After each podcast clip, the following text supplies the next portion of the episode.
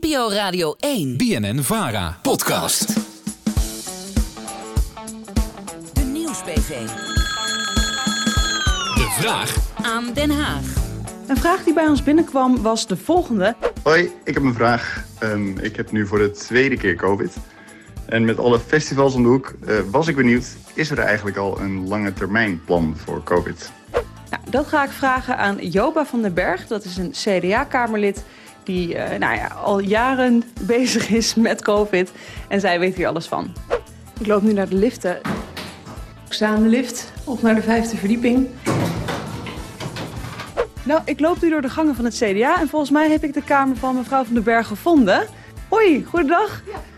Ik, eh, u geeft een box, zie ik. Ja, ik geef inderdaad een box, want ik ben woordvoerder corona en we zien de besmettingen toenemen. Dus ik blijf nog wel even voorzichtig de komende tijd. Ja, heel goed, heel goed. Ja, want, eh, ik had een vraag van een luisteraar. Eh, die vraag was, ligt er eigenlijk een coronaplan voor de lange termijn? Nou, dat is een van de punten waar we juist met de minister over hebben gesproken. En waar ik toen heb gezegd, ik krijg eigenlijk buikpijn van het feit dat dat plan er nog niet uitgewerkt eh, ligt. Stel, er komt weer een golf in de zomer, waar heel veel mensen ook een beetje bang voor zijn. Kunnen de IC's dan weer helemaal vol komen liggen?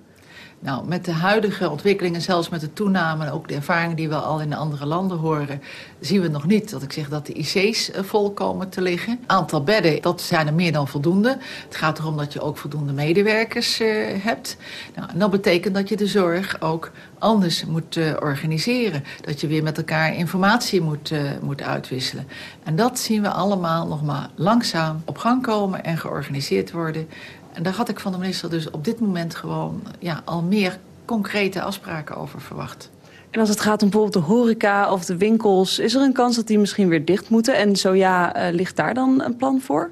Nou, dat heeft de minister dus aan iedere sector gevraagd. Van, kan jij met een eigen plan komen hoe je nou veilig toch open zou kunnen terwijl we corona hebben? Ja, maar er moet dus nog wel een beetje een draaiboek komen als ik het zo hoor. Wat moeten alle sectoren doen? Wat moeten de mensen doen? Wat moeten de ziekenhuizen doen? Uh, wanneer denkt u dat dat er echt daadwerkelijk ligt?